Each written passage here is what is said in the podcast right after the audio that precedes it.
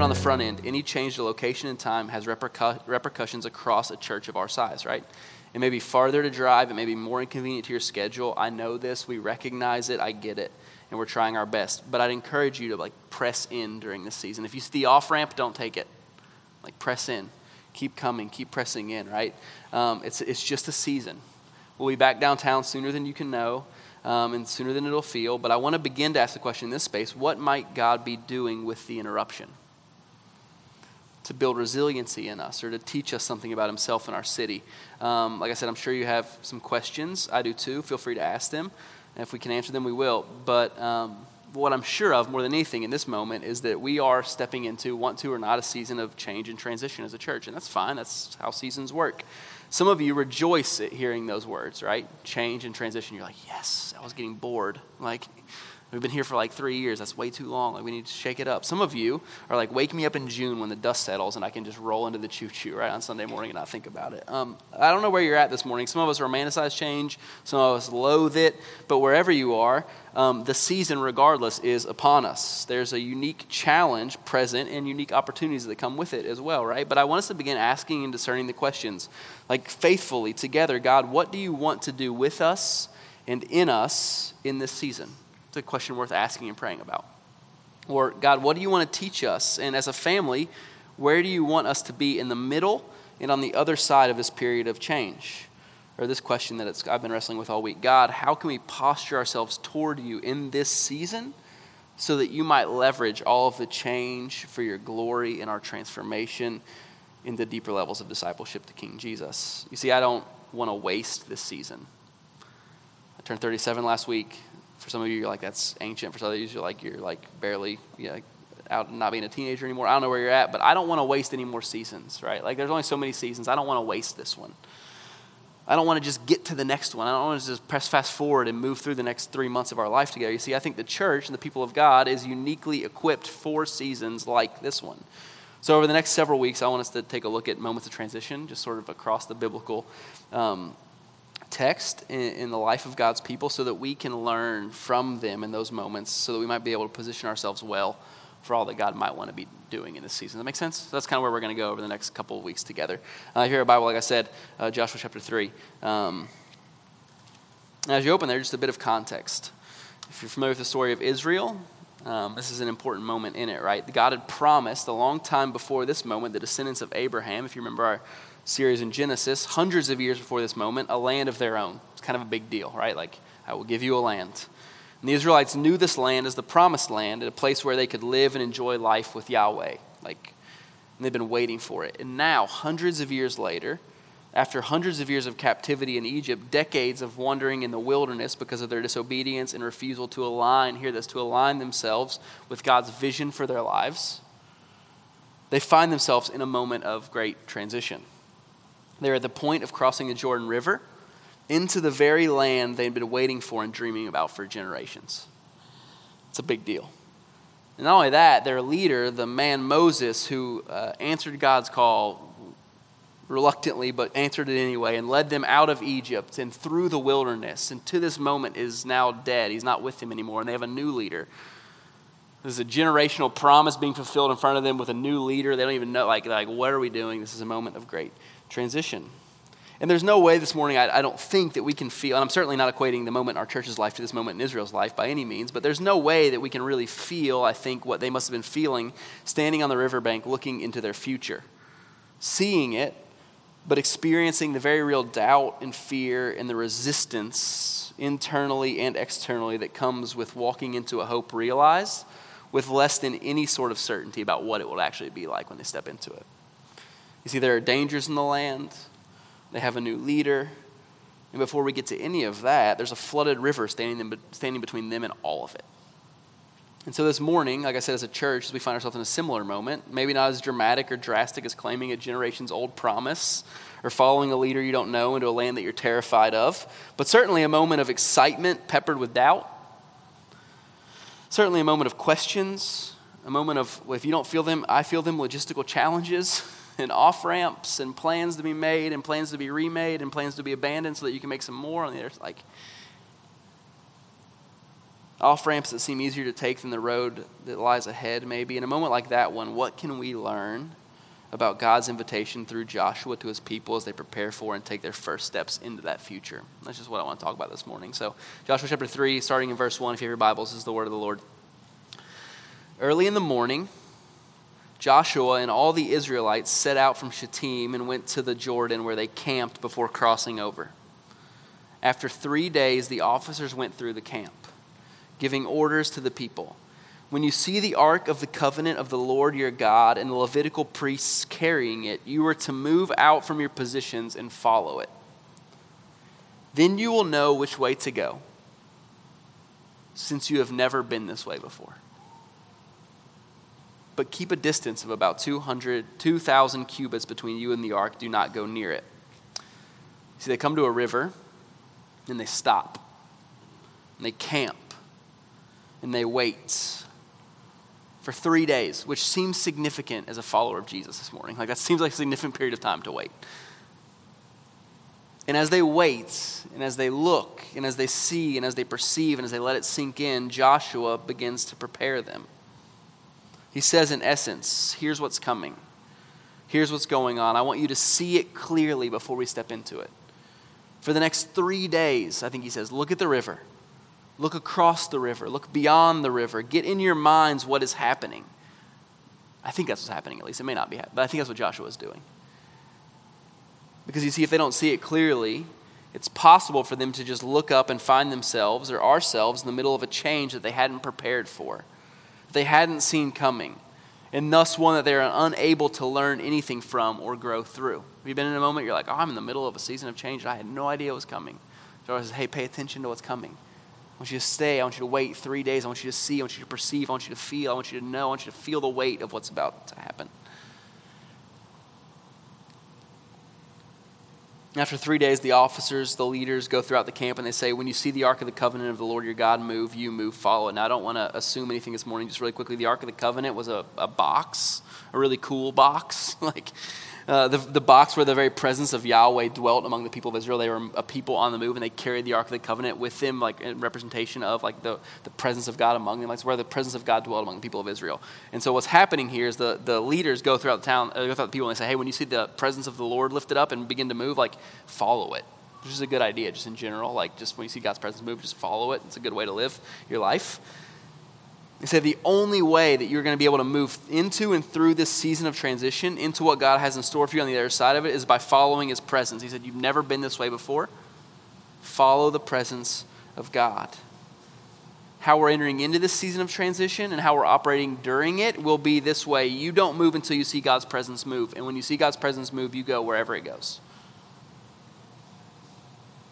And then Joshua speaks out to the people I love this. In verse 5, he says, it says this Joshua told the people, Consecrate yourselves, for tomorrow the Lord will do amazing things among you.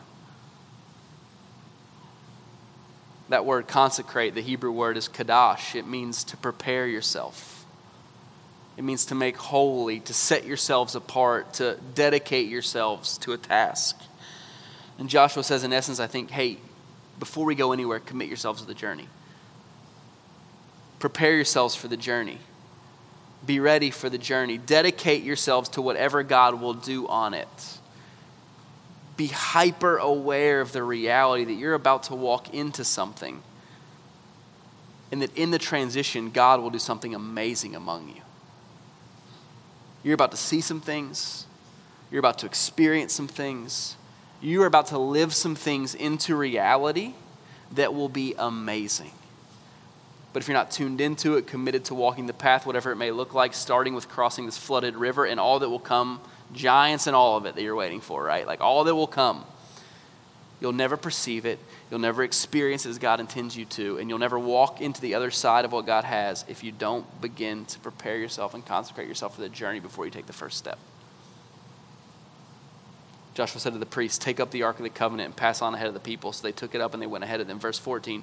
So when the people broke camp across the Jordan, the priests carrying the Ark of the Covenant went ahead of them. Now the Jordan is at flood stage all during harvest. Yet as soon as the priests who carried the ark reached the Jordan and their feet touched the water's edge, the water from upstream stopped flowing. It piled up in a heap a great distance away at a town called Adam in the vicinity of Zarethan, where the water flowing, while the water flowing down to the Sea of Arabah, that is the Dead Sea, was completely cut off. So the people crossed over opposite Jericho the priests who carried the Ark of the Covenant of the Lord stopped in the middle of the Jordan and stood on dry ground while all Israel passed by until the whole nation had completed the crossing on dry ground. Um, it's just casual story, right? the presence of God carried in the middle of a river, the water piles up. It's like, hold on, like, this is where I think the grace of God and the provision of God routinely overwhelms me when I read this story. See, they're crossing a river and in ancient cosmology, the water and rivers signified all that was chaotic, all that was powerful, all that was outside of humans, uh, humanity's ability to control. And Yahweh says, "Hey, look, carry the presence of the Lord into the middle of the river, and I'll show you." Like who it is you're following into the promised land. Like you're worried about the gods of the land that you're about to walk into. Like don't worry about them. Like of all the chaos, like you're following my presence into this. It's an amazingly powerful moment, right? Israel finds himself both literally and figuratively in what scholars and social scientists refer to as a liminal space. I don't care if you remember that word, um, I honestly didn't know it before this week. Um, a liminal space is a threshold moment. That word liminal is, comes from, derived from the word threshold, you know, a threshold of a doorway, right? It's a space between two places. They find themselves in a liminal space, a threshold moment, an in between place, in an in between space. They find themselves between the wilderness and the promised land, between two banks of the same river, in between a promise made and a promise fulfilled, standing on the brink of walking into a future that they dreamed about forever, staring the unknown directly in the eyes. That's the moment they find themselves in. Have you ever found yourself in a liminal space? How many of you are in a liminal space right now? Half of you are in college. All of you are in a liminal space, like a space between, right? A space between. Standing on the stage, waiting to cross it to graduate. It's a liminal space. Standing in the back of a church, waiting to walk down the aisle. It's a liminal space. Checking into the hospital as a family of two, knowing you're leaving with a third. It's an in between moment. Glenn and Marcy are like, please let that be reality, like today, like right now. Like, it's a space between. Maybe not right now. Yeah, that would be great. Waiting on a job offer, waiting on the test results, standing between two realities, knowing that something different is coming and that things will not be the same, but not yet knowing what they will be like. That's a liminal space. It's a unique place to find oneself. Rare, but common to the human experience. We've all been there. And it's into that moment that God's presence gracefully and powerfully inserts itself. The priests step foot into the raging river, and immediately the waters part. And they walk forward, carrying the presence of God to the very dead middle of the river, the middle of the uncertainty in the moment. And there it remains the entire time until the nation of Israel has walked through it from one side of the river to the other. It is a powerfully figurative moment, but it's a powerfully real moment as well. It's not just a theory, it's a reality that they've lived and experienced. It's a testimony, I think, to God's willingness over and again, not just his willingness, but his faithfulness to both physically and mentally and emotionally walk with them and walk with us through the unknown to the other side of it. And as we stand here this morning together, figuratively looking at a river, staring at a transition in the face, we're reminded, I think, that God will walk with us and before us into it, that He will hold the waters back through it, so that we may walk into on dry land that which is to come. And I go, the question this morning that you may be having will we as a church have real life needs and logistical challenges and hurdles that we will not see coming and won't know need answered until they arrive? Yes. Like every day, I'm like every day I'm checking email. Like, oh, I didn't think about that. Hmm. That's new. I hadn't considered that one. Yes, they will come. Will God's presence be with us and hold back the waters? Yes, it will. Will we as a church experience doubt, confusion, questioning leaders? It's fair. Pain, even maybe, with a change uncertainty, questions about our identity in a space that isn't ours, in a part of town that we're new to? Probably yes. And more things that I haven't even thought to name in that moment. Will God be with us in that liminal space and work to deliver us through it as people who have been more formed for that which is to come by our very experience of His presence during it? Yes. Yes, He will. I think He will. Chapter 4, verse 1. When the whole nation had finished crossing the Jordan, the Lord said to Joshua, Choose 12 men from among the people, one from each tribe, and tell them to take up 12 stones from the middle of the Jordan, from right where the priests are standing, and carry them over with you and put them down at the place where you will stay tonight. So Joshua called together the 12 men he had appointed from the Israelites, one from each tribe, and he said to them, Go over before the ark of the Lord your God into the middle of the Jordan. Like, go back each of you is to take up a stone on his shoulder according to the number of the tribes of the Israelites to serve as a sign among you. Hear this. In the future, when your children ask you, What do these stones mean? Tell them that the flow of the Jordan was cut off before the ark of the covenant of the Lord. When it crossed the Jordan, the waters of the Jordan were cut off. These stones are to be a memorial to the people of Israel forever. So the Israelites did as Joshua commanded them. And I'm going to skip down. And they are there to this day.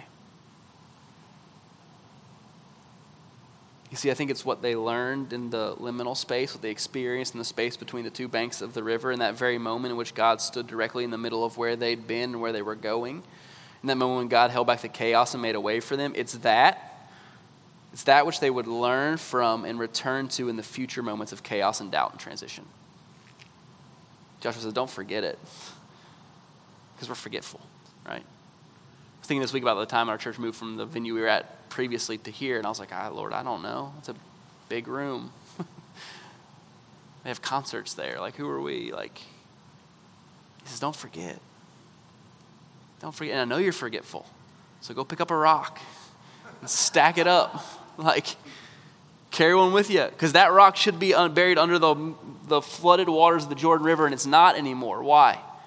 Because the presence of God did something in that moment. And I want you to pick up a rock and I want you to carry it out of that place. I want you to put it where you camped tonight so that you remember that it wasn't just during the transition, it was through the transition to the other side of the transition that God walked with you. Had they not remembered what God had done in the transition, they wouldn't have been able to leverage it toward their mission. They wouldn't have been able to recall it when their doubts surfaced again, when they forgot who they were, when their kids asked, Why are we here? When they looked up and life had returned to normal. This was just the land I was born in. Like, Dad, what do those rocks mean? Grandpa, what do those rocks mean? Let me tell you what the rocks mean. Let me tell you why we stacked them up. Allow them to return to the moments of doubt and frustration and uncertainty that were certainly to come. They allowed them to return back to that moment. Joshua says, when your kids ask you about the stones, you'll tell them about the season of transition that resulted not in chaos, but in the filled promise that generations have been waiting to experience. You see, this text to me, it's a paradigm for how we walk through seasons of transition as disciples of Jesus. We prepare ourselves, we consecrate ourselves, we position ourselves, and we posture ourselves. That's a lot of P's, I didn't mean to do that. To see that which lies ahead of us. All while getting ourselves in a position to follow God's presence when it moves. And as we walk into it and through it and out of that season, we do so in the context of the empowering presence of a God whose spirit holds back the chaos and who makes a way through what seems like might be the impossible. And then on the other side of that, we celebrate and we remember that which we saw and experienced and learned. All that we saw and experienced and learned in the in between times as we walked through the threshold into the next season not with all of the answers, but with the experience of His power and His grace and His presence in it. And so this morning, I just want to invite you over the next couple of weeks to begin to consecrate yourselves, that we as a church will begin to consecrate ourselves. I'll take communion here in a minute, but, but I just encourage you, like, can we commit ourselves to the journey, to all that is coming, to not taking the off ramp when it gets hard? To not complaining when things didn't go as we thought they would. I'm saying this to myself first and you secondly, okay? I'm just, just preaching to myself this morning, right? to be confident in God's faithfulness and His presence and where He's leading us, that He will not abandon us, that He will not forsake us. We sang a song this morning about parting of the waters, and we read a story about another parting of the waters, and that He would be the God who would part these waters before us. Will we commit ourselves to allowing God to build us into a resilient and agile people? May the lessons we learn now over this next season prove His faithfulness and build in us something that will bear fruits into the coming generations for His glory and our joy in the redemption and salvation of a city. I don't want to waste that opportunity. I don't want to just press fast forward on getting to a new space. May He do that among us this morning and over the next season. Would you pray with me as we take communion? Father, Lord, we love you. We trust you. We offer back to you that which you have given to us, namely this community and this, fa- this space and these people that we've come to love. We give you thanks for this space that has been a home for us for more than three years now. For the team of people who work in a music venue but have loved our church family like their own. God, we give you thanks for the people that have come to faith in your son Jesus in this space, baptized in the very place I'm standing this morning, like mopping up, mopping up water, Lord, because men and women were baptized into faith in your son Jesus in this place. For all of the memories that we've shared here, thank you, Lord. May we not be a people who look back for anything other than encouragement and memories and hope for what that for what is to come. May we be a people who, as we gather at the bank of a river, that, that look toward it and across it, toward all that which, which is to come. That we would prepare ourselves, that we would sanctify ourselves, that we would consecrate ourselves for the journey. That you would make us a resilient people, able to weather the storms, the uncertainty of life, knowing beyond the shadow of a doubt that you are with us, that your presence goes before us.